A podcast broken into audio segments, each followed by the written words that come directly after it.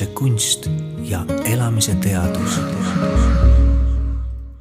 tere tulemast Annel Jurge teraapialaborisse, kus täna suure ja sooja suve ootuses soovin ma kostitada teid hea annuse võlumaagiaga. aga nagu iga maagia puhul ikka, on väga oluline ka sellesse uskuda, et kõik meie soovid ja unistused täituksid täna olen palunud ma vestlema endaga naise, kes teab, mis on õnne valem. ja ta koolitab ka teisi inimesi, kuidas saada iseendaks ja siis ka iseendaks jääda. tere tulemast stuudiosse teadlikkuse liider Kaidi Karilaid. tere, Anneli, aitäh, et sa kutsusid mind. nagu ikka teraapialaboris küsin ma kõigepealt, kuidas sa ennast täna tunned suurepäraselt, fantastiliselt. ja ilm on täna väga ilus, päike paistab, puud on juba paksult lehte läinud ja suvi juba pilgutab silma. täiega. mis tundega sa elad, Kaidi? mina elan äh, võimalikkuste tundega. see tähendab minu jaoks seda, et äh, igal sekundil on mul valik ja igal sekundil on mul kõik võimalused ja kogu aeg ma saan midagi uut avastada, vot selle tundega kogu aeg, sellise põnevusega mõnes mõttes. Ja muidugi mul on selliseid hetki ka, kus ma istun ja võib-olla niisuguses nagu tühjuses ja lihtsalt olemises, kus mul ei ole seda nii-öelda niisugust lapselikku põnevust kogu aeg. Või siis äh, ja nagu üks äh, inimene ikka. No tühjus on iseenesest päris hea koht, kus olla, et seda saab alati millegagi täita, et tuleb siis otsustada, mida sinna panna aga ole nii kena ja tutvusta ennast meie kuulajatele. mina olen sinuga juba varem kohtunud, aga paljud kuulajad võib-olla ei ole ja nad sooviks rohkem teada. mis inimesi tavaliselt kõige rohkem huvitab, on see, et, äh, et miks ma võib-olla siin räägin üldse ähm,.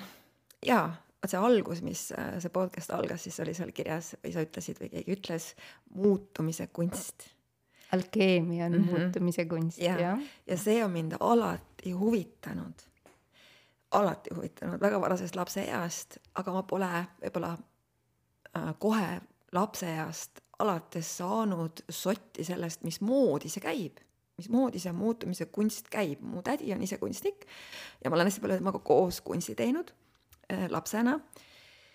ja muutuse kunsti nagu kuidas see käib, see muutuse kunst, hakkas mind inspireerima jah, juba üsnagi, kui ma kooli ajal olin äh, kuskil kuusteist, ma hakkasin lugema Luule Viilma raamatuid, siis kõik see põnevus, see teistmoodi maailm, see energiamaailm ja kõik, mismoodi inimesed toimivad ja, ja see küsimus mul oli alati peas või mõttes, et okei okay,, siin peab veel midagi olema, et see, mis ma käega katsun, silmaga näen ja kõrvaga kuulen või maitsen, et see ei ole ainus maailm, siin peab midagi veel olema ja kõik sellised müstilised asjad mind alati köitsid.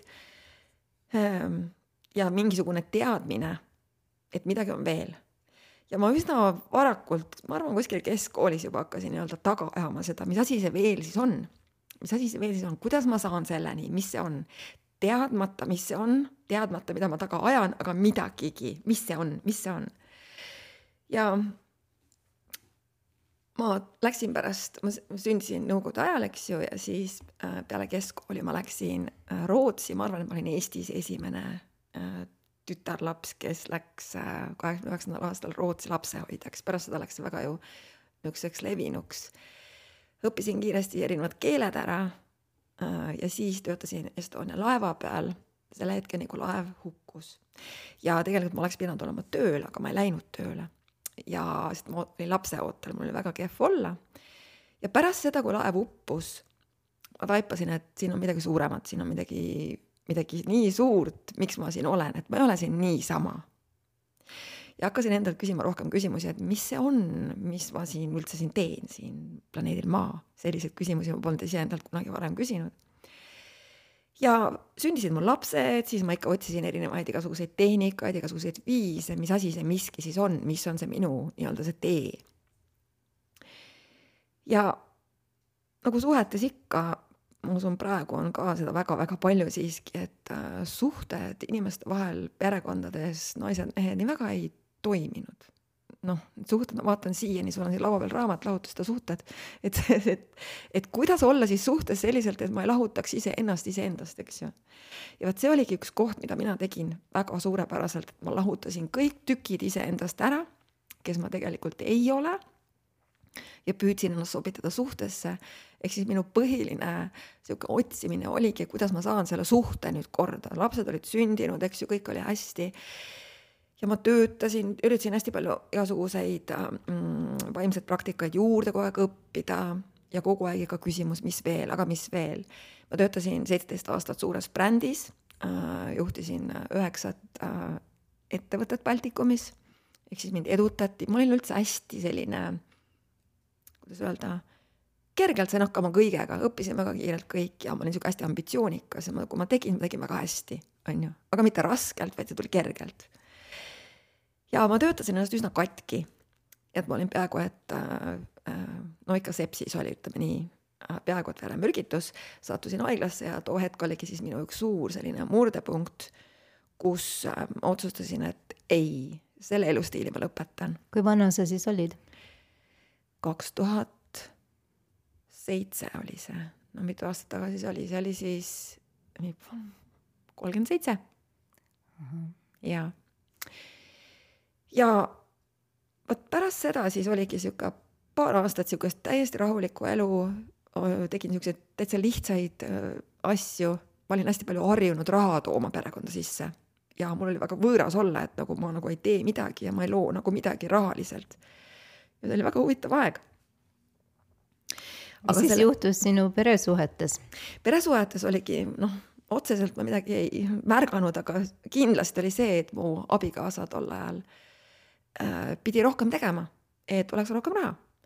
aga see kõik viis selleni, et kahe tuhande kaheksandal aastal ma astusin Holistika Instituuti ja kahe tuhande kaheteistkümnendal aastal ma selle lõpetasin holistilise regressiooniterapeudina. ma ei ole küll seda praktiseerinud pärast lõpetamist ja kahe tuhande kaheteistkümnenda aasta alguses ma kohtusingi esmakordselt siis sellise, sellise teadlikkuse kiirteega, mida võib nimetada siis teadlikkuse kiirteeks, tööriistade, vahenditega nagu access consciousness, need on siis tööriistad, mida ise mina kasutades saan luua iseenda elu äh, teadlikuna, nagu mina päriselt soovin. Ja see oli üks äh, väga suur taipamine minu elus, et äh, nagu ma ütlesin alguses ka sulle, et mind huvitab äh, teadlikkus, mind huvitab see, et inimesed oleks kohal ja teadlikud mind huvitab see, et inimes-, et loobuksid sellest alateadlikest mustritest ja alateadlikest igasugustest sõltuvustest, mis me siin elus, eks ju, loome ja oleme, mis me kinni hoiame ja kõik need uskumused, asjad, et me oleksime vabad, õnnelikud ja rõõmsad, see huvitab mind kõige rohkem kuidas sa leidsid selle access consciousness'i, võib-olla sa palun selgitaksid, mis see täpselt ka on? minu, ma olen lugenud neid raamatuid, mis on eesti keelde tõlgitud ja minule teadaolevalt see on üks Ameerika teooria. jah, aga sina tead kindlasti palju paremini, kuna sa oled selle sertifitseeritud esindaja Eestis. access consciousness'il on põhilised tööriistad on siis verbaalsed tööriistad ja on nagu kehatehnikad, ehk siis üks on siis nagu kõnelemine põhiliselt küsimustega, seal on väga lõbusad, veidrad, naljakad tööriistad.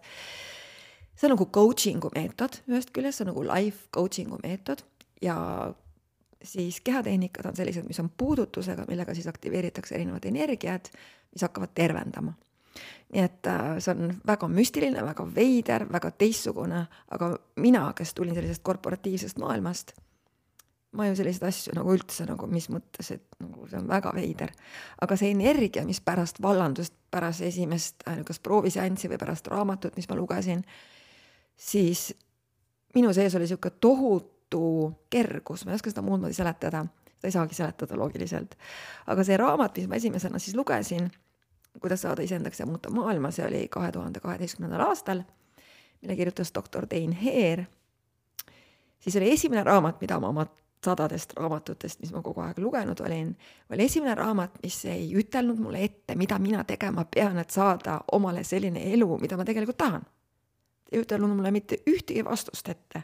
ja see oli minu kõige suurem nii-öelda nagu, mis mõttes ma loen raamatut, et kuule, hei, miks raamat mulle nüüd ei ütle, ma ju loen sind sellepärast, et ma saaks mingeid vastuseid siit. aga ta küsis ainult küsimusi ja see oli nii intrigeeriv ja ühest küljest niisugune konfronteeriv, et siin on midagi. Ja ma teadsin ühte asja, kui mind mingi asi nagu põlema ajab või selliseks nagu see on midagi minu jaoks. Ja pärast seda lugedes siis hakkas siis kõik veerema, siis ma tahtsin sellest rohkem teada ja rohkem teada. Ja ma olen nüüd kümme aastat seda iseenda elus kasutanud ja õpetanud inimestele kasutama. Ja see on loonud mind äh, sõna otseses mõttes alkeemikuks, sa võid öelda, nagu see alguses siin jutt oli ka, eks ju, alkeemikus, alkeemikuks olemisest. Et see muutuse kunst ja nüüd ma tean, mis muutuse kunst tegelikult on. muutuse kunst on olla päriselt iga päevaga muutumises ja valmis kogu aeg äh, muutuma. ja küsida ehk küsida endalt, et universum ju töötab, eks ju, küsija sulle antakse, ma küsin kogu aeg iseendalt, kes ma täna olen, milliseid tsiklusi ma täna soovin luua ähm,. kuidas ma saan olla suurepärasem, kui ma olin eile. kõik sihuke enesega tohutud vestlused. Ja ometigi see muutus on ju tegelikult ähm, paljude inimeste jaoks kõige hirmsam asi üldse, et äh, see on ju tohutu ebakindlus, et see ongi see ju, mida kõige rohkem kardetakse, seda muutust, et kui ka varasem elu ei olnud nii hea, siis see on ikkagi vana ja tuttav jama, et parem siis istuda juba seal, kui teha muutus. aga see ongi kõige veidram paradoks jällegi.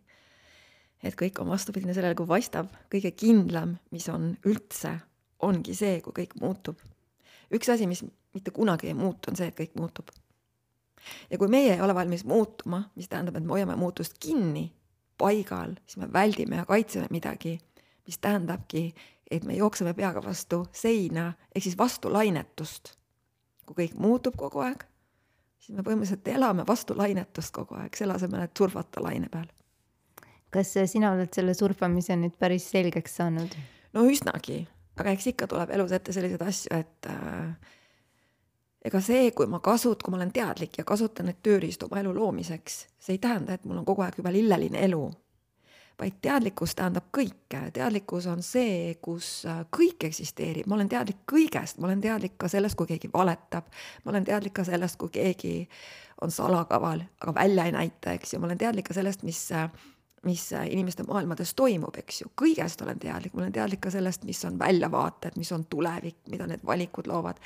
kogu aeg kõigest olla teadlik ja see ei ole eriti mugav, sest et me oleme õppinud seda, mis meile ei meeldi, panema kuskile ära, ehk siis ignoreerima, ignoreerima. Ja see eitama. Ja see ongi see, mis tegelikult on tarvis, on olla sellest ka teadlik ja kui olla sellest teadlik, mis me oleme ära peitnud ja toome selle siia nähtavale, siis see on okei okay.. teadlikkust kõigest, võtta vastu kõike, ilusat, koledat, fantastilist, suurepärast, kõik võtta vastu. no ja lõpuks on ju see kõik hinnangute küsimus, et äh, iga sündmust võib vaadata nii positiivse kui negatiivsena, oleneb, kus vaatenurga alt seda vaadata. aga kuidas sina selle Accessi juurde jõudsid? No kuidas ma jõudsin, nagu ma ütlesin, ma olen hästi uudishimulik olnud terve elu. Ja alati, kui ma olin Holistika Instituudis, ma õppisin äh, siis holistiliseks äh, terapeudiks või regressiooniterapeudiks, siis viimasel aastal mul hakkas kuidagi seal natuke igav, ma olen päris aus endaga praegu. ja ma ikka hakkasin mõtlema, et kas ikka on minu jaoks ja kas siin peab veel midagi olema, aga mis see, mis see miski veel on mis seal puudu jäi? ma ei oska öelda, liiga palju raame tekkis mulle jälle, et ma pean kuidagi väga raamis olema ja seda oma loomingut ja seda erinevust, noh, ma ei saanud nagu rakendada teatud reeglid, teatud asjad ja ma tundsin, et noh, see on tore, see töötab, aga see on minu jaoks kitsas, ma tahan midagi veel, midagi suuremat, midagi, mis on veel avardavam, mis on veel suurem. ja vot see küsimus minu sees tõenäoliselt oli see vibratsioon, mis äh, tõmbas kohe kogu universumi käima või noh, sellest hetkest, eks ju, et äh, ja nagu ütlen, universum töötab nii, et küsija sulle antakse. mis sa siis küsisid? ja ma küsisin, mis siin veel on, siin peab midagi veel olema ja tõenäoliselt no ikka, et äh, sa, kui sa oled valmis, siis sa saad selle ja sa oled valmis vastu võtma, sa saad selle nii nagu minagi.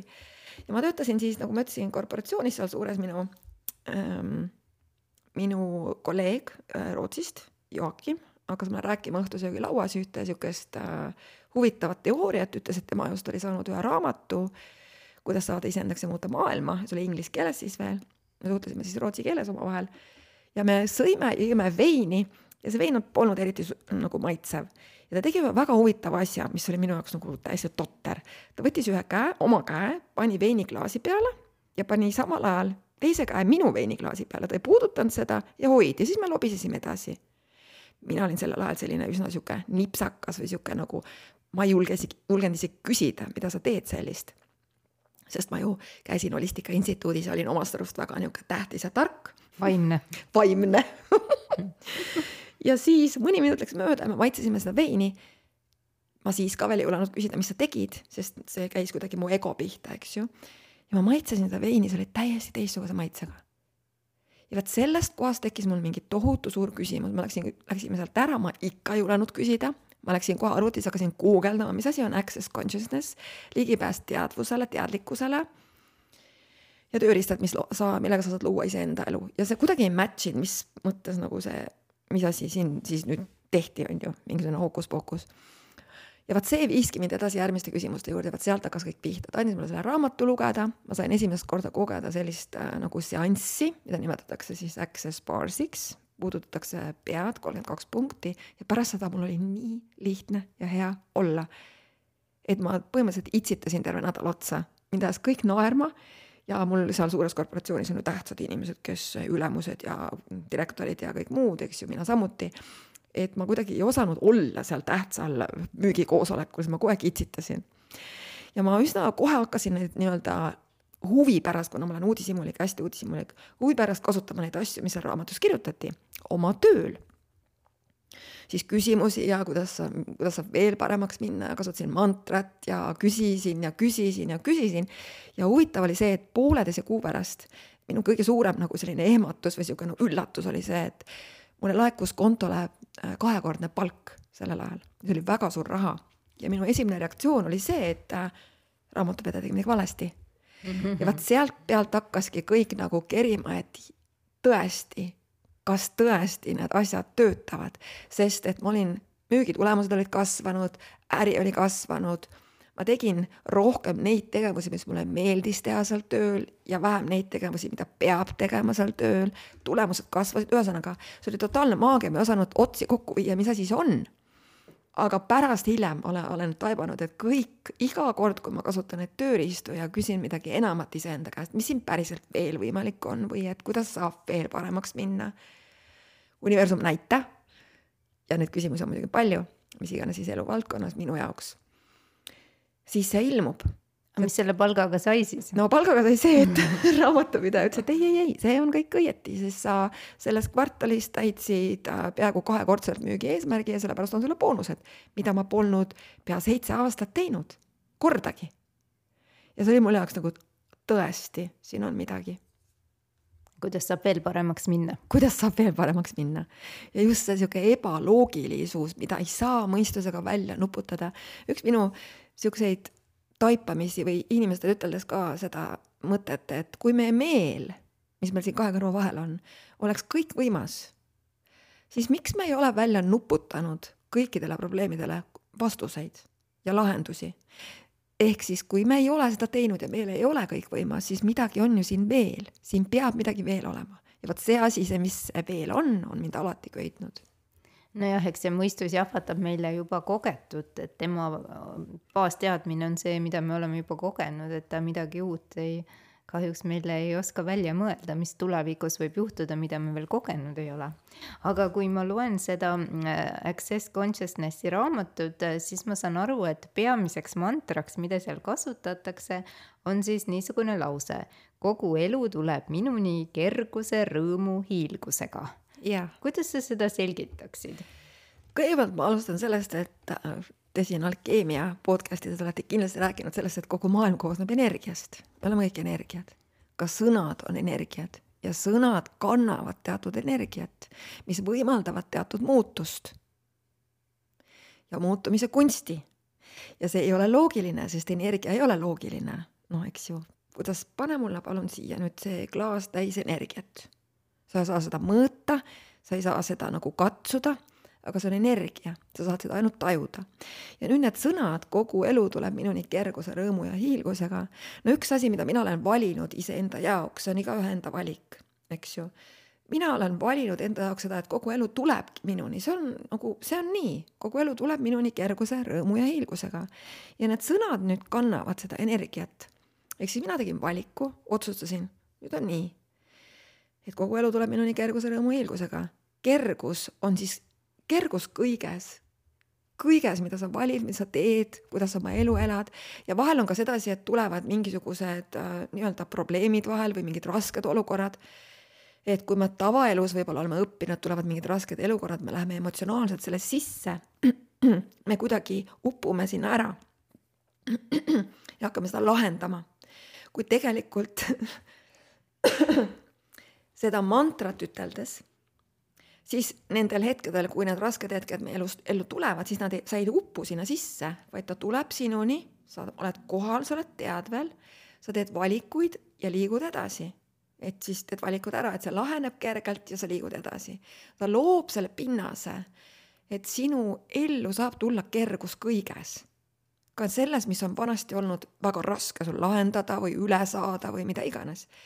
Ja selleks, et tuleks äh, rõõm, sa pead valima oma ellu kergust. rõõm ei tule raskusest, rõõm ei tule kunagi sellest punnitamisest ja kitsikusest ja kontrollist rõõm tuleb alati kergusest ja kergus on selline olemise kergus. sa ei tee midagi tähtsaks, sa ei tee midagi oluliseks, sa ei tee midagi äh, selliseks ähm, maailma nabaks, vaid kergus on nagu õhk see on isiklik valik, ma saan aru. aga jällegi, kui inimesed nüüd meid kuulavad ja vaatavad meie enese ümber, mis praegu toimub maailmas, et käimas on ikkagi pikalt veel Ukraina sõda ja, ja koroona on küll vana hea koroona juba nagu üks, mõned lained jalga lasknud, aga sügisel jälle pessimistid ennustavad uusi. ja siis inimesed küsivad, et mis kergusest me selles olukorras üldse saame ja. rääkida, et kõik on masendav ja maad ligi suruv. mina ütlen seda, palun inimesed ignoreerige kõike, kus sellised uudised on. number üks, sest et see, mis muudab seda hullumeelsust siin maailmas, on see, kui sina valid kerguse, rõõmu ja hiilguse. ja kui sa hakkad hommikuti ja õhtuti kümme korda ütlema seda, siis sa võid täiesti, ma olen täiesti veendunud, kui raadiokuulajad või siis podcast'i kuulajad hakkavad seda tegema hommikuti, õhtuti kümme korda, meie peres on olnud selliselt, et kõik seinad on seda täis, eks ju, külmkapi peal, duširuumis, igal pool paljud perekonnad laulavad seda mantrat, ähm, Lea Tali isegi laulis meile selle mantra ühel kontserdil, eks ju. et see hakkab looma seda energeetilist baasi, et kogu elu tuleb minuni kerguse, rõõmu ja hiilgusega, õpetage lastele seda, kõigile. see loob selle, et see väline asi ei hakka sind enam nii suuresti mõjutama ja selle kogu selle jutu juurde veel üks hästi oluline komponent, mida ma olen läbi selle Access'i tööriistade teadvustanud enda jaoks, me oleme kõik energeetilised olevused. me peame enese, mis on minu väärtus, minu väärtus on kergus, rõõm ja hiilgus. ja kui mina selle väärtuseks enda jaoks loon, siis ma olen selles reaalsuses nende inimeste jaoks, kes on kurvad, kus on see draama, kus on see sõda, kus on see konflikt, kus on need eraldused ja hinnangud meie ümber ja see informatsioon, mis meie ümber on, siis sa oled muutuse katalüsaator sa oled vibratsioon, sa oled nii kõrge vibratsioon, et sa muudad sellega ümbritsevat maailma samuti kergema vibratsiooni suunas. sest et me oleme nii suures gravitatsioonis, kui me ei ole see kergus, rõõm ja hiilgus, ei ole valinud jõuliselt enda jaoks seda kergust, rõõmu, hiilgust, siis gravitatsioon sööb ära su, ta sööb ära su selle raskuse, selle draama, selle informatsiooni osas, mis igalt poolt väljast me kuuleme, eks ju. paljud inimesed ei oska sellest välja astuda, aga see on üks kõige lihtsam tehnika, mis sa võid iga, võid teha igal hommikul, iga õhtu või ükskõik, mis kell sulle meelde tuleb seda teha. ma tõsiselt soovitan seda kõigile. kergus, kogu elu tuleb minuni kerguse, rõõmu ja hiilgusega, kas siis mõttes või kõva häälega, pane seljale, loe, minul on näiteks arvuti isegi desktopil, kui mul läheb see, see desktop läheb, eks ju, kinni, kõikjal login panka sisse, esimene teade on kogu elu tuleb minuni kerguse, rõõmu ja hiilgusega.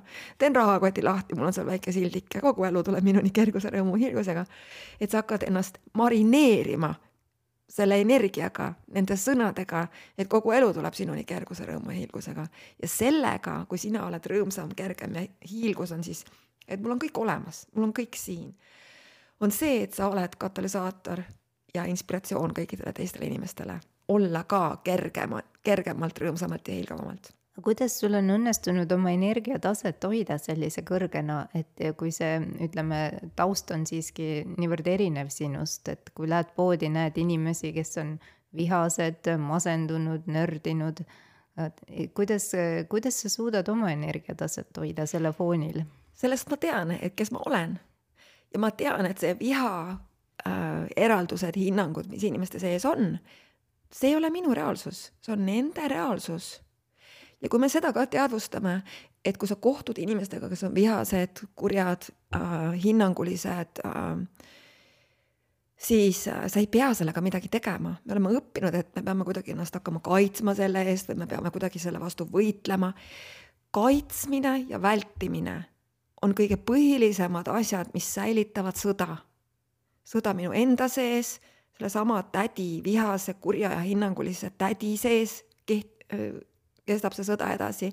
ja mida rohkem me säilitame ja kaitseme, et mitte jääda kohale, vaid läheme sellega kaasa, ehk siis võitlema vastu või kaitsema ennast selle eest, seda rohkem me toidame sedasama kolmandat maailmasõda. ehk siis kuidas nüüd siis jääda siia sellesse kohta, üks kõige lihtsam tehnika, mida ma kasutan ise, lihtsalt kõigepealt küsi endalt, kellele see kuulub, kas see on üldse minu see viha seal, ei ole, see on selle tädi oma ta võib olla vihane. et me võtame ikkagi... teiste inimeste tundeid ja. paljuski üle endale teadvustamata. täiesti ja sellepärast on üks suurepärane küsimus, kellele see kuulub, kui sa tunned ängi, tunned viha, tunned eraldust, kellele see kuulub. küsi endalt, kellele see kuulub, sest üheksakümmend üheksa protsenti sellest mõtetest, mis su peal, peas ketravad, tunnetest, emotsioonidest, mis on sellised rasked ja tekitavad ängi, nad ei kuulu sulle. Sa oled teadlik teiste inimeste mõtetest, tunnetest, emotsioonidest, energiatest kogu aeg.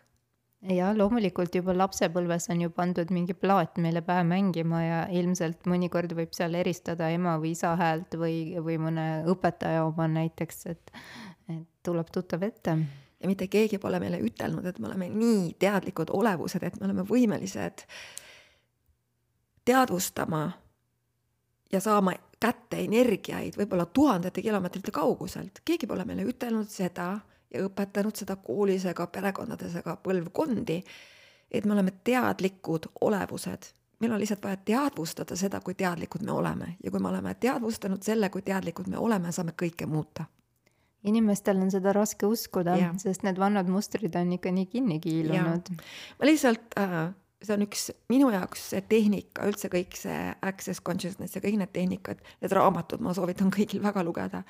sa ei pea tulema kuskile kursustele ega midagi, lihtsalt loe raamatuid, seal on väga palju ägedaid tehnikaid ja lihtsalt hakka neid enda jaoks lõbu pärast kasutama ja vaata, mängi nendega, kuidas nad hakkavad tööle väga palju taipamisi, väga palju teadlikkust. ja teadlikkus on veel kord siis see, kus kõik eksisteerib ja mitte millelegi ei anta hinnanguid ma saan teadlikuks siis, kui ma ei anna hinnanguid, et see on õige või vale, hea või halb, vaid ta on siin. ja kui ta on siin, siis ma hakkan nägema, mis siin tegelikult saab veel võimalik olla. sa oled ka koolitaja ja sul on oma kursused, et mis ähm, teemadel sa kursuseid ähm, juhendad? no minu kõige lemmikteemad on ikkagi see, kus, äh, mis on iseendal olemine, et kuidas saada siis iseendaks, eks ju see on kõige, kõige maagilisem, kõige mm, rohkem mulle elevust tekitav ja samuti siis äh, juba edasi jõudnute kursused äh, Access Foundation, mis on sellised neljapäevased kursused, kus neli päeva me oleme koos ja toimub tohutu transformatsioon. mina isiklikult võrdlesin oma esimest Foundationi kursust äh, sellega, kui ma käisin kolm aastat holistika koolis nelja päevaga põhimõtteliselt see samasugune shift siis kõik, mis äh, minu elus toimub. inimestel on see erinev, aga just see on, nagu ma ütlesingi, kiirtee sinu endani, kui sa ise valid seda, sest mina ei õpeta midagi. ma vahendan energiaid, mis annavad sulle võimaluse näha ja valida seda, mis sinu jaoks töötab siin selles maailmas no millised on mõned sellised kõige äh, põnevamad näited, mis on nende inimeste eludes juhtunud, kes on sinu kursusel käinud? no kõige paremaid äh, lugusid saate iseenesest äh, vaadata minu Youtube'i kanalilt, see on üks asi. ja samuti hästi palju lugusid on äh, selles ähm, minu koduleheküljel, eks ju, kaidikarilaid.com, no ma võtan kõige esimese loo, võib-olla kõige esimese niisuguse jahmatava paneva loo, mis ähm, oli mu enda pojaga, kui ma alustasin Accessiga, sest ma olin niisugune roheline, mis ma ei oska siin midagi teha, eks ju, et ma ei tea üldse, mis asi on energia, veel vähem ma, ma ei osanud isegi küsimusi küsida, minu esimene küsimus oli, kuidas ma neid küsimusi küsin nii et ma alles õppisin küsimusi küsima ja nad hakkasid võib-olla jooksma mul alles mingi, ma ei tea, poole aasta pärast. mul ei jäänud meeldegi midagi. aga baarst, millest ma ennem ka natuke rääkisin, et ma õppisin selle ära ja esimese suure põnevusega läksin siis oma pojale kodus tegema baarsi tal oli koolis hästi nagu keerukas äh,, ei olnud väga lihtne. ja kahe nädala pärast äh, ta tuleb, nii-öelda tuleb rõõmsalt koolist koju, ta oli siis äh, põhikoolis käis veel ja, ja ma vaatasin, et ta on ka muretu ja hinded on paranenud ja et huvitav, mis toimub. ja ma ei osanud seda jälle seostada sellega, et ma tegin ju baarsi.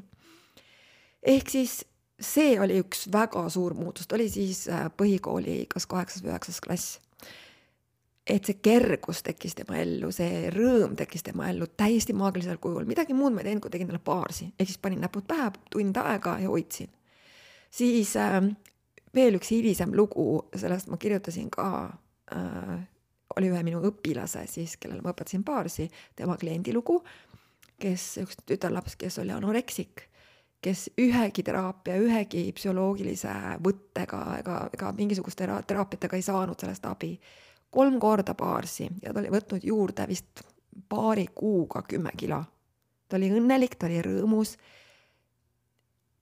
täiesti, täiesti uskumatuid lugusid, ärevushäiretega samamoodi. ehk siis see ja see veel kord ei ole ainult probleemide lahendamise nii-öelda tehnika, just nimelt see on, et sa saaksid luua endale, sest mind huvitab, et sa saaksid luua omale selle elu, mida sa alati ei tahtnud elada, alati tahtnud elada ja aga mis see on, me oleme nii uppunud siin maailmas kõikidesse sellesse, mida peaks, mida ei tohi, kuidas on õige, kuidas on vale. aga keegi pole meile kunagi küsinud meilt seda, et aga kuidas mina elaksin oma elu, isegi kui see on kellegi jaoks vale. isegi kui see pole selles maailmas üldse nii-öelda loogiline. ja vot see on see, millega ma armastan päästada inimesi ja julgustada inimesi valima seda elu endale, valima tegema need samme, et hakata seda elu elama. ehk siis maagiliselt mõtlema. ehk siis maagiliselt mõtlema ja päästama üksteist, sest et praegu, mis ma näen kõige enam siin maailmas, on see, et me ei, me ei päästa üksteist, me ei, me ei julgusta üksteist, me ei, me ei ütle väga tihti südamest aitäh ja mingi osa meie eludest on ikka see, et me nagu räägime seal kellestki, mis seal oli halvasti ja mis oli seal ja mis oli seal, ehk siis hinnangud. aga milline see oleks, kui me päriselt kõik hakkaks üksteist rohkem väestama, väestama selles osas, et julgustama, mida iganes ta tahab valida oma ellu või muuta, julgustada, muidugi vali on ju. ja väestada teda selle tänulikkusega, aitäh, et sa oled olemas. juba see, et sa siin oled ja et sa siin hingad ja et ma sind nüüd sain tundma õppida, eks ju, Anneli, aitäh, et sa oled olemas, aitäh, et sa oled kingitus maailmale. aitäh sulle ka. aga ja paljud inimesed lihtsalt arvavad, et nende enda väärtus väheneb siis, kui nad kedagi teist tunnustavad. ja see on üks väga suur vale. me arvame seda, et kui mina olen päriselt mina, siis ma olen seda millegi arvelt. ei see on väga suur vale. et kui mina olen mina, siis keegi peab kannatama, üldse mitte. sest kui mina olen mina, siis kas mina päriselt saan kedagi panna? kas keegi saab mulle midagi teha? kas keegi saab mulle midagi halba teha, kui ma olen päriselt mina? ei saa, ma valin neid tundeid, ma valin neid mõtteid, ma valin neid reaktsioone, kuidas millelegi reageerida. üks suur vale, mida inimesed ütlevad selle kohta, et oi, see, sina tegid ma pean kõhatama vahepeal. et sina tegid minuga seda.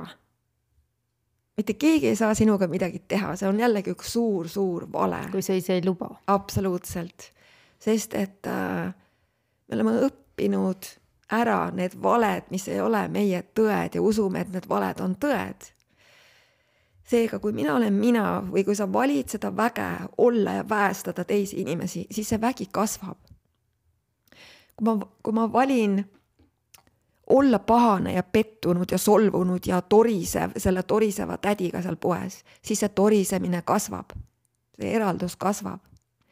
aga milline see oleks, kui olla sellesama eralduse ja hinnangute ja pahameele palge ees ikkagi õnnelik, rõõmus ja enda energias või selles üks olemises iseendaga, sest sa tead, mis on sinu, sinu tõde, sa ei lähe sellega lihtsalt kaasa. Ja oled temaga lihtsalt see, et äh, jaa, mul on kahju, et sul on praegu paha tuju. kuidas ma saan teha su tuju paremaks? aga palun ära looda, et kõik inimesed tahavad sinu lahkust vastu võtta. paljud inimesed ei taha seda. aga igal juhul see on võimalus muutumiseks, kui sa oled see päästav teiste inimestega. juba seesama lihtne asi, me tegime ühe niisuguse kampaania sõbrannadega, tuttavatega, kes äh, ka Accessi tööriistu kasutavad. käisime mööda linna tänavaid ja mööduvatele inimestele ütlesime aitäh, et sa oled kingitus maailmale, aitäh, et sa oled siin, aitäh, et sa oled olemas. kas inimesed kohe siis mõtlesid, et äkki te tahate jälle piibleid jagada või midagi sellist ja? kindlasti, sest see mm -hmm. agenda või see mm -hmm. mõte, see kahtlus, see hirm, see hinnang seal taga on nii suur, et see ei saa ometi olla tõde, et keegi siirast südamest midagi sellist ütleb. muidugi oli väga palju erinevaid reaktsioone.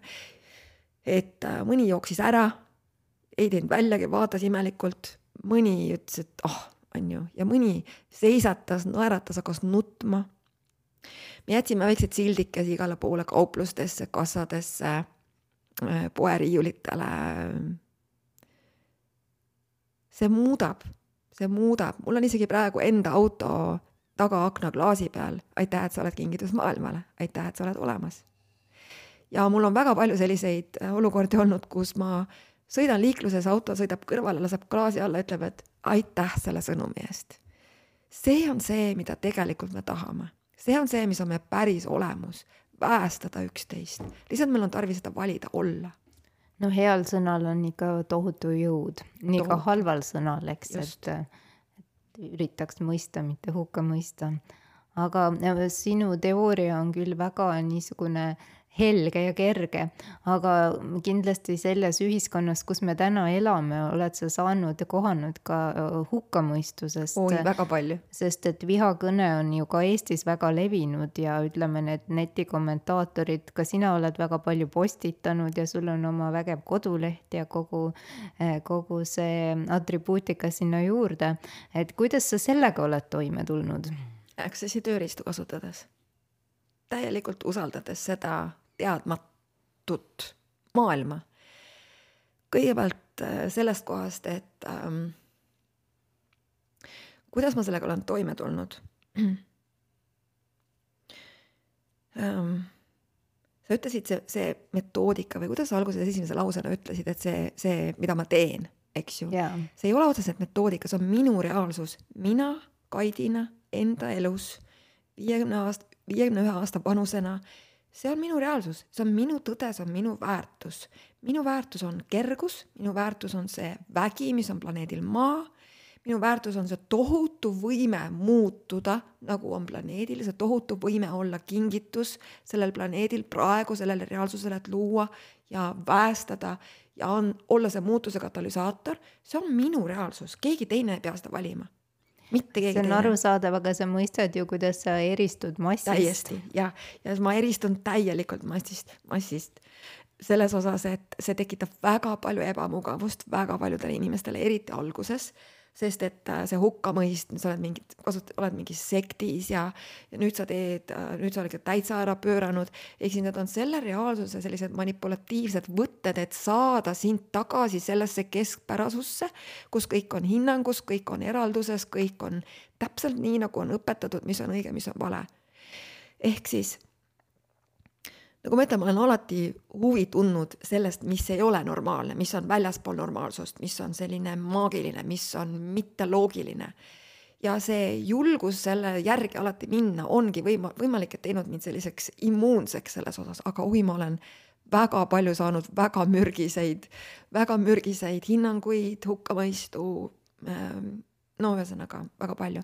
see ei oma tähtsust, kui ma olen enda väes ma saan olla tänulik, ma isegi olen keeranud selle enda nagu kasuks selle mõttega, võib-olla mõnele kuulajale on see samuti hea mõte, et ma olen, mida rohkem või inimesed annavad mulle hinnanguid või kritiseerivad või on hukkamõistus, siis on mulle indikaator sellest, et ma olen õigel teel. ma olen enda maailmas, luues endale reaalsust ja samal ajal on tuhandeid neid inimesi, nagu sina, Anneli näiteks. Ja palju neid, kes, keda see inspireerib. aitäh, Kaidi, et sa ütlesid seda või olid see või tegid seda või valisid seda. absoluutselt. ja see on see, mille poole minul on külgetõmme, mitte selle poole enam, mis oli siis, mis on eraldus, mis on hinnang, mis on õige, mis on vale sa oled kindlasti väga inspireeriv väga paljudele inimestele ja just ähm, kõrvutades siin äh, seda olukorda, mis sotsiaalmeedias toimub, et just noorte inimeste teema on ju see eriti, et, et nende suhtlus toimubki ju enamasti seal sotsiaalmeedias yeah. ja sinna postitatakse pilte, mis on reaalsusest tihti väga kaugel. Ja kõik see nende enesehinnang on selline likeipõhine jaa, me oleme jõudnud, vot see on väga hea koht, kus me oleme jõudnud, iseendana olemine ei ole um,, tegelikult võib-olla ei ütle päris seda, aga need um, emotikonid, mida me kasutame näiteks Facebookis näiteks, siis emotikonid on hakanud asendama meie hingeelu. me oleme pannud emotikonid esindama meie sõnalist tänutunnet näiteks või rõõmu niisugust ehedat rõõmu, et ma võtan telefoni, ütlen aitäh sulle, mul on nii hea meel. ma armastan seda, mis sa seal kirjutasid. me oleme, paneme nüüd emotikonid, peidame selle energia nende emotikonide taha. et mitte olla need, kes me päriselt oleme, selle energiana. ja sotsiaalmeedias on tõesti väga palju informatsiooni ja, ja samal ajal veel kord, ma olen väga palju välja võtnud selle oma energia kõigest sellest, mis ei ole kergusrõõm ja hiilgus, ma olen ainult keskendunud sellele mis panus ma saan olla enda elule, et luua enda elu täielikkuses, nagu sellena, mis on minu elu. ja ma tean, et kui ma seda valin ja teen ja panustan ja lähen selle oma, oma selle väärtuse järgi ja kogu aeg selles suunas või selles siis, siis väga paljud inimesed lihtsalt nii-öelda haagivad selle tee pealt enda jaoks, mis siis see nende jaoks on ja kas sa oled ka täheldanud, et just äh, inimestel on tohutu tähelepanuvajadus ja nad oh, ei jah. saa seda tähelepanu, et sellest on ka kõik need äh, võimalikud postitused ja, ja kuidagi tundub, et inimesed on ikkagi väga üksildased selle kõige taga. inimestel on energiapuudus iseendana olemise energiapuudus, sest me oleme õppinud elama teiste elusid, oleme õppinud elama nende peaksite järgi, me oleme standardid. me oleme õppinud välise järgi elama. raha on elus olemise vahel. eks ju, oleme pannud raha allikaks, me oleme pannud oma keha suhete allikaks, me oleme, ehk siis läbi seksi ainult, on ju. me oleme teinud, ma ei tea, interneti suhtluse vahele pannud siia me oleme lõiganud ära nii paljude meetoditega selle päris eheda olemuse. just vaata, mu kõrval on siin äh, Lea Tali raamat, Lea oli minuga väga lähedane ja siis, kui ta laulis meil seal viimasel kontserdil, siis äh, kaks tuhat kakskümmend, Ehe ja päris, see laulist ei ole isegi veel esitatud, et äh, see ehe ja päris, see vahetu suhtlemine, mina sinuga siin praegu ja see päästamine, see on see, kuhu palun inimesed, milline, mis on nõutav et me valiksime rohkem seda. koolis, tööl, üksteisega, ükskõik kus kohas, vaatamata sellele, kuidas keegi sellele reageerib. milline oleks maailm siis? iga inimene kindlasti mingil eluetapil küsib enda käest, kes ma siin olen ja mis asja ma siin üldse ajan. mis on sinu soovitus sellisele inimesele, kes on jõudnud täpselt sinna kohta? kes ma olen ja mida ma vajan? Mis asja küsiks... ma siin ajan või, või kas see ajan? maailm, mille ma see on... olen loonud, kas see on ja. ikka see, millest ma olen unistanud? see on kõige ägedam küsimus üldse, kui sa sellist asja oled küsinud endalt või hakanud küsima, kes ma siis olen? sa oled lõputu, piiritu, määratlematu, defineerimatu, täiesti väljaspool vormi ja struktuuri, täiesti väljaspool lineaarsust, täiesti väljaspool igasugust kontsentrilisust väljaspool mõtteid, tundeid, emotsioone, oma keha, see oled sina. nüüd tekib, oh, oota, mis mõttes siis? me, me loome oma keha, see, mida ma tean, ma loon oma keha, sina lood oma keha läbi selle energia, selle vibratsiooni, mis sa oled või kes sa oled. ja siis me kasutame mõtteid, tundeid, emotsioone, kahjuks küll selle hetkeni, niikaua kuni me loome ennast ebateadlikuna, me loome ainult läbi mõtete, tunnete, emotsioonide. aga milline see oleks, kui sa hakkaks looma ennast läbi selliste piiritute võimekuste nagu tajumine, lõputu tajumine, lõputu teadmine, lõputu olemine, lõputu piiritu vastuvõtmine. ja vot see, kui sind hakkab huvitama päriselt, mis see päriselt on, siis sa võid astuda oma iseendana olemise seiklusele, sest see on lõputu seiklus, kui sind hakkab huvitama see, mis võimed sinus veel tegelikult peidus on. No kuidas saada teada, mis võimed minus veel peidus on? küsi iseendalt, universum näita, milleks ma veel võimeline olen ma olen inimestega rääkinud, et just koroonaaeg tõi paljudel sellised varjatud anded välja, sest ei olnud eriti väljundit ja siis inimesed pidid Täpselt. hakkama tegelema asjadega, mille nad olid kas unarusse jätnud või, või mis tekitas huvi ja siis inimesed avastasid, et kes hakkas raamatuid kirjutama ja, ja., ja väga huvitavaid asju on välja tulnud. üks asi on, üks suur vale veel, mis meil on siin selles maailmas, mis me oleme õppinud ära, tõenäoliselt enamik inimesi et sa ei ole see, mida sa teed. me oleme õppinud ära, et ma olen see, kui ma teen seda asja ja tihti me küsime, kohtame mõnda inimest, noh, millega sa tegeled. aga see tegelemine ei defineeri seda meest või naist või seda tuttavat. vaid minu lemmikküsimus on tavaliselt inimestele või iseendale väga tihti, mis on sinu väärtused, mida sa hindad kõrget siin selles elus praegu? küsi endalt ka, mis on minu väärtused ja võib-olla see kohe ei tulegi niimoodi ja ma ühele noormehele siin alles hiljuti ühel üritusel küsisin, lihtsalt hakkasime vestlema, aga mis on sinu väärtused, mida sa hindad kõrgelt siin selles elus, siin planeedil Maa praegu, nüüd just sinuna? ja ta polnud mõelnudki selle peale, see on üks küsimus, mis hakkab tohutult palju avama sulle sind ennast, kui sa seda küsid. Nii et äh, küsige endalt seda küsimust, see võib-olla kohe ei tulegi, see tuleb võib-olla mõne aja pärast mina tean, et ma olen siin planeedil oma energiana selles elus siin praegu. siis mind tõeliselt huvitab planeedi tulevik, planeet Maa tulevik. ma ei ole siin väga inimeste pärast. ja mis aspektist see sind huvitab? mind huvitab see, et tuhande aasta pärast meie lapsed saaksid ka hingata puhast õhku, süüa puhast toitu, naerda, mängida, laulda, elada hiilgavat elu. Ja kuidas sa ise sellesse panustad peale selle, et sa oled kingitus maailmale? ja panustan sellega, et ma vahendan inimestele teadlikkust, keda huvitab teadlikkus, sest mida enam on planeedil Maa teadlikkust inimestena, inimestes ja inimesed seda valivad, kas siis oleks sõjad võimalikud, kas siis oleks eraldused võimalikud? Ka siis oleks kogu see hullumeelsus, mis planeediga on loodud viimase seitsmekümne aasta jooksul, saaks eksisteerida kas kõik see leiaks siis aset? ei leia.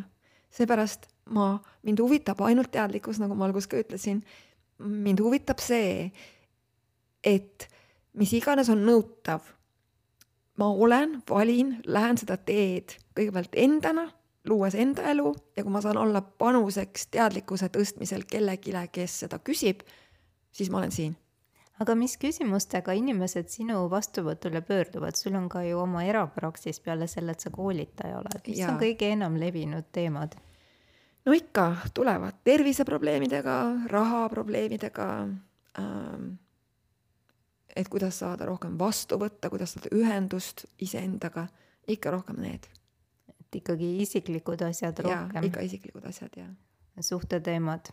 just ja kuidas see seanss toimub, et mul on olnud ähm, suur õnn ja au sellel seansil viibida, et ma juba tean, mis on baars ja olen seda praktikas ellu viinud ja nüüd ma nüüd ootan, kuidas see kõik hakkab ähm, minu hüvanguks tööle kuna sa ütlesid, et seal ei tohi väga nagu seda analüüsida, vaid peab lihtsalt andma vabaks. usaldaja. usaldama just, et eh, kuidas, mis sa teed, kui inimene tuleb sinu vastuvõtule, noh, lihtsalt kirjelda kui... palun, et inimesed aru saaks, millega on tegu. minu vastuvõtule, siis kõigepealt ma alati küsin sellise küsimuse, et kui kõik oleks võimalik, millist muutust sa oma ellu soovid? ma ei küsi, mis on probleem ma küsin, mis muutust sa soovid, siis ma tajun. vabandust, kas inimene ikka teab täpselt, mis muutust ta soovib või ongi see selline koht, kus äh, jäädakse mõttesse, et täpselt jäädaksegi, ei teagi? jäädaksegi, sest seda küsimust me väga tihti ei küsi, aga ja. kuna ma olen nii kohal sellel hetkel selle inimesega ja küsin temas täielikus kohalolus seda küsimust, siis ta ei saa põgeneda selle küsimuse eest. sest et äh, milleks tulla siia Ansile, kui ta tegelikult ei teagi, mida ta tahab siis ma päriselt ütlen inimestele, et pole pointi nagu isegi mitte tulla.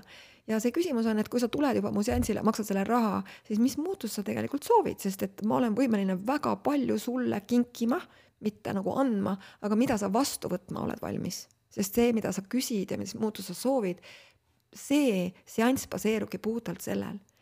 ehk kui ta ütleb, et ma soovin seal, ma ei tea, kerget või noh, mis iganes siis, ehk siis ma tajun energiat, mida ta mulle vastab. Väga tihti need energiat, mida nad siis väljendavad sõnadega, mis nende suust tuleb, noh, see sõnad ja energia ei lähe kokku. siis ma küsin rohkem küsimusi, et aga et millisena sa soovid, et su elu päriselt oleks näiteks. ja siis ma tajun, mis sealt tuleb, ehk siis kuulan neid ja küsin natuke ja ja siis lasen lahti selle kõik. Ja tiht-, minu, sinule ma tegin baarsi, aga mul on väga palju erinevaid teisi tehnikaid, see sõltub kõik, ma ei tea kunagi ette, mida ma teen konkreetselt seal, vaid ma lihtsalt usaldan puhtalt seda energiat, mis siis selle küsimusega, mis ma esitasin, nii-öelda õhku paisati. Ja siis ma lihtsalt teen midagi või olen midagi seal. seda ei saa kunagi ette kirjeldada, mis seal on, see on nii-öelda see, mis sa ütlesid, see sõnade maagia või energiamaagia, mm -hmm. just. Ehk siis terapeudi maagilised võtted. jah, just. ja aga mis siis peale seanssi toimub inimesega? väga erinev, see sõltub kõik sellest, kui palju see inimene on valmis vastu võtma. mõned inimesed, kes äh, on võib-olla olnud hästi kontrollivad iseenda suhtes ja hästi hinnangulised enda suhtes, isegi kui natukene nad on sellest kontrollist vabanevad enda jaoks, see on nendele võib-olla tohutu suur muutus, on ju. mõni inimene, kes on kogu aeg harjunud muutuma ja seal toimub muutus, siis, siis võib-olla seda silmaga ei olegi nii kohe nagu näha. tihti inimesed lähevad koju, see muutus hakkab tulema suuresti pärast seanssi. teised inimesed märkavad siis võib-olla sind, et midagi on muutunud, võib-olla sa tajud iseenda olemuses mingit niisugust teistsugust taju. mõnikord on ka selliselt, et, et inimesed tahavad magada hästi äh, nagu kaua ja rohkem. või siis just inimesed ütlevad, ma ei saanud üldse magada, mul oli nii palju energiat et see, kuidas muutus ilmub, seda ei tea kunagi ette, see sõltub kõik sellest, mida äh, sa oled valmis looma oma ellu. aga fakt on, et muutus igal juhul toimub. igal juhul toimub. no kui ühes inimeses äh, toimub muutus, kõik me oleme ju mingi süsteemi osad, et peresüsteemide osad seal omaga seal kogukonna liikmed, et siis peab muutuma ka kogu see kooslus. absoluutselt, see ongi see, et äh, mida rohkem sa saad iseendaks, seda rohkem sa muudad maailma, ka kõiki oma lähedasi üks äh, minu eelmine saatekülaline, äh, taroloog ja filosoof Ravi Ramlov ütles väga veenvalt, et kui me oleme kriisiolukorras, mis kindlasti ju see sõjaolukord on, siis on inimesel kaks võimalust, et kas ta kohaneb või muutub veelgi rohkem iseendaks. just, praegu ongi, meil oleme ajastul hetkel kaks tuhat kakskümmend kaks äh, valiku ees inimesed kas sa püüad säilitada seda, mis oli või mis äh, põhimõtte järgi või millises energias oled kogu aeg elanud, võitluses, eralduses, hinnangus, hirmus, kohusetundes, peaksites äh, ja kõiges selles kohustuslikus asjas? Või sa päriselt võtad oma energia välja siit välisest maailmast ja tood enda juurde oma südamesse ja küsid, kui mina oleksin mina, siis kuidas ma oma elu elaksin teadvustad ja valid pühenduda, kui see sinu jaoks on valik, valid pühenduda seda looma hakata. kuidas? küsid, kuidas ma saan nüüd pihta hakata? ja, ja kui sa küsid, siis sulle tulevad inimesed, olukorrad, võimalused, asjad sinuni täiesti maagilisel kujul. universum töötab, küsija sulle antakse maagilisemalt kui kunagi varem praegu, saate aru, see on siin, meil on vaja küsida. mida sa ütleksid nendele inimestele, kes on leidnud endas selle julguse, et võtta vastu otsus, et ma luban endal muutuda, aga kuna ma ei tea veel, kuidas, siis ma küsin, mida on selleks vaja. ja, ja mis ma neile ütleks? just. sa oled väga õigel teel, lihtsalt lase kõigest lahti ja usalda. järgne sellele järgne sellele, mis teeb sulle rõõmu. pisiasjad. ma just vaatan siin laua peal raamatut, see teeb mulle rõõmu. või siis äh, joon midagi maitsvat, mingit mahla, mis su keha kergendab, mis su kehale teeb head äh,. liigu nende inimeste hulgas, kus sul on hea olla.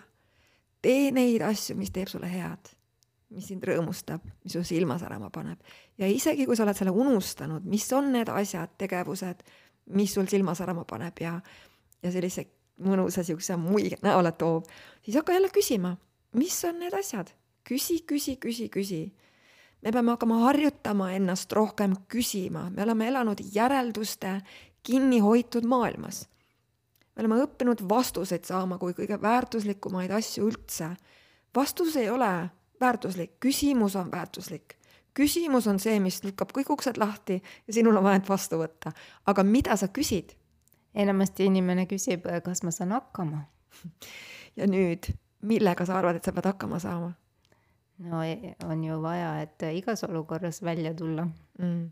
kas sa usaldad ennast? ja kui sa ei usalda ennast, hakka küsima, kuidas ma saan nüüd ennast rohkem usaldada. kõige kohta küsi küsimus. kõige kohta see on väga-väga hea soovitus. ma küsin siis sinult, kuidas ähm, sa näed oma tulevikku mina, et kuidas sa kujutad ette ennast noh, seal mingi Pole õrna aimugi. ajahetke taga. ma isegi ei tea praegu, kes ma olen homme, ma lihtsalt küsin ja võtan vastu igal sekundil kõik need ägedad hetked täielikus kohalolus selle, mis praegu tuleb, aga ma tean, ma olen teadlik sellest energiast, mis energiaga ma elan ma ei tea, kuidas see avaldub, ma ei tea, mida see nagu, kuidas see füüsilisel kujul on, aga ma olen teadlik sellest energiast juba praegu, sest ma küsin seda praegu ja tulevik ei ole tulevik, tulevik on praegu. iga hetke valikuga, küsimusega, mida sa oma ellu küsid ja valid, sa lood oma tulevikku. see ei ole see, et ma ootan, remondin ennast korda ja siis kümne aasta pärast vaatan, kas ma sain ikka ennast remonditud. see ei käi nii ja sa ütlesid mulle väga põneva asja ennem, et inimesed enamasti arvavad, et nad peavad ennast kõigepealt korda tegema nii-öelda jah, ja nimelt. siis hakkama looma oma unelmate tulevikku. absoluutselt, see on järjekordne vale. ei pea, sa pead vaatama asjadele otsa, mis sinu jaoks ei toimi sinu elus. kuidas sa saad seda näha? Äh, ära ignoreeri neid asju, mis äh, su elus ei tööta, vaata neile otsa, see on üks asi, on haavatavus. ja siis teadvusta, kas see toimib päriselt mu elus, kas see teeb mulle kergust, kas see asi on minu jaoks, kas on väärtus. ja kui see ei ole sinu jaoks kergust loov ja sinu elule panuseks olev asi või inimene või olukord, siis ütle sellele aitäh ja tee teistsugune valik seda on väga kerge öelda, aga lahtilaskmine on ka omamoodi väga suur kunst ja, ja seda ikkagi õpitakse väga pikka aega. ja kõik need tehnikad, kuidas lahti lasta, see valik kuidas seda teha, see on väga lihtne, küsi endalt, kas ma nüüd lõpetan selle asja, ja või ei, see on ja või ei vastus. ja, ei. sest tihti, kui ma küsin inimeste käest sedasama küsimust, kas sa palun nüüd lõpetaksid iseenda arvustamise ja kriitikale viini, siis ta, siis ta vaatab mulle nagu umbuslikult silma, kuidas see käib. ja ma ütlen tihti, et kas ja või ei see on lihtsalt, ongi nii lihtne valik, sa lihtsalt ütled endale ja või ei, kas ma nüüd lõpetan või ma ei lõpeta.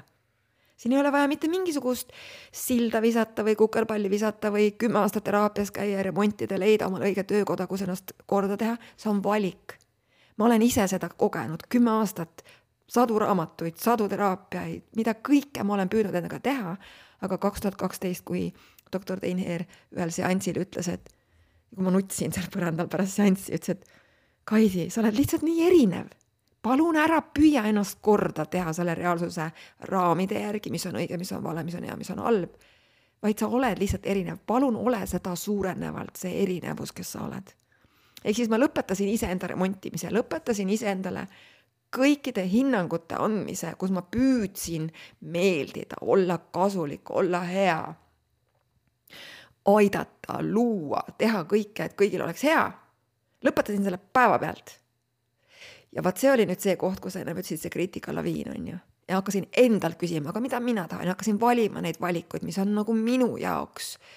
lubades kõigil nüüd karta minu pärast see on väga vabastav teadmine, et ei pea ootama aastaid käima kõikidel ei. kursustel ja sadades teraapiates, et ennast kõigepealt korda teha, et siis lõpuks elama ja. hakata, et elama võib hakata täna, siin ja praegu ja seda peabki Otse tegema ja kui mõni asi tuleb üles, mingisugune vana asi, mis on kinni olnud kaua, võib-olla põlvkondi edasi kandunud, eks ju, ja me siin oleme kõik ühisteadvuse osad, et me, meil on paljudel väga suur võime, näiteks nagu mul, mingi asi, mis mina lahti lasen või lõpetan mingi suhte mingi asjaga, mingi piiranguga, mingi kaitsega, mingisuguse uskumusega, siis sellel samal hetkel vabaneb tohutu palju inimesi sellest samast asjast, kui mina valmis olen sellest loobuma.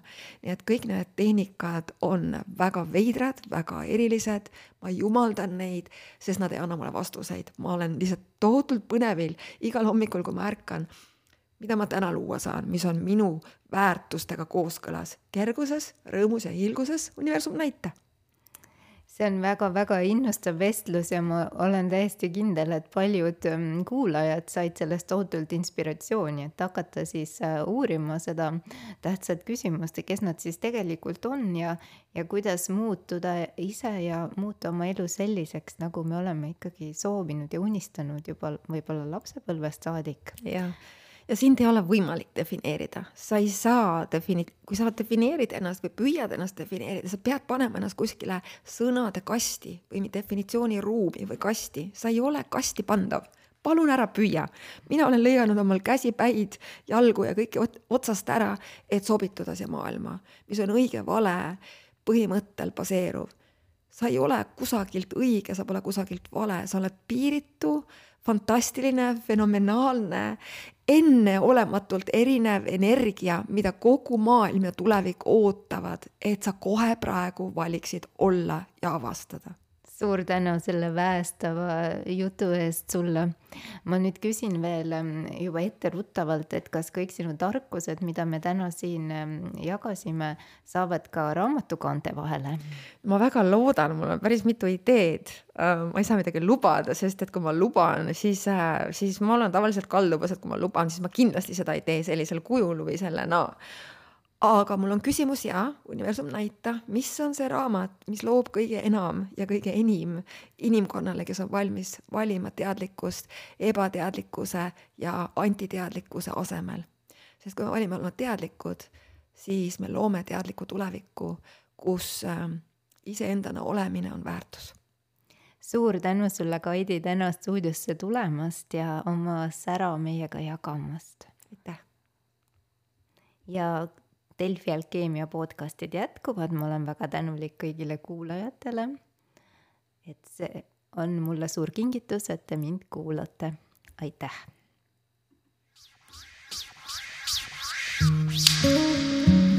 alkeemia, muutumise kunst ja elamise teadus. alkeemia taskuhääling toob teieni huvitavat ja harivat keha hinge ja meele vallast. kuula ja loe alkeemia.ee, leia meid ka Facebookist ja Instagramist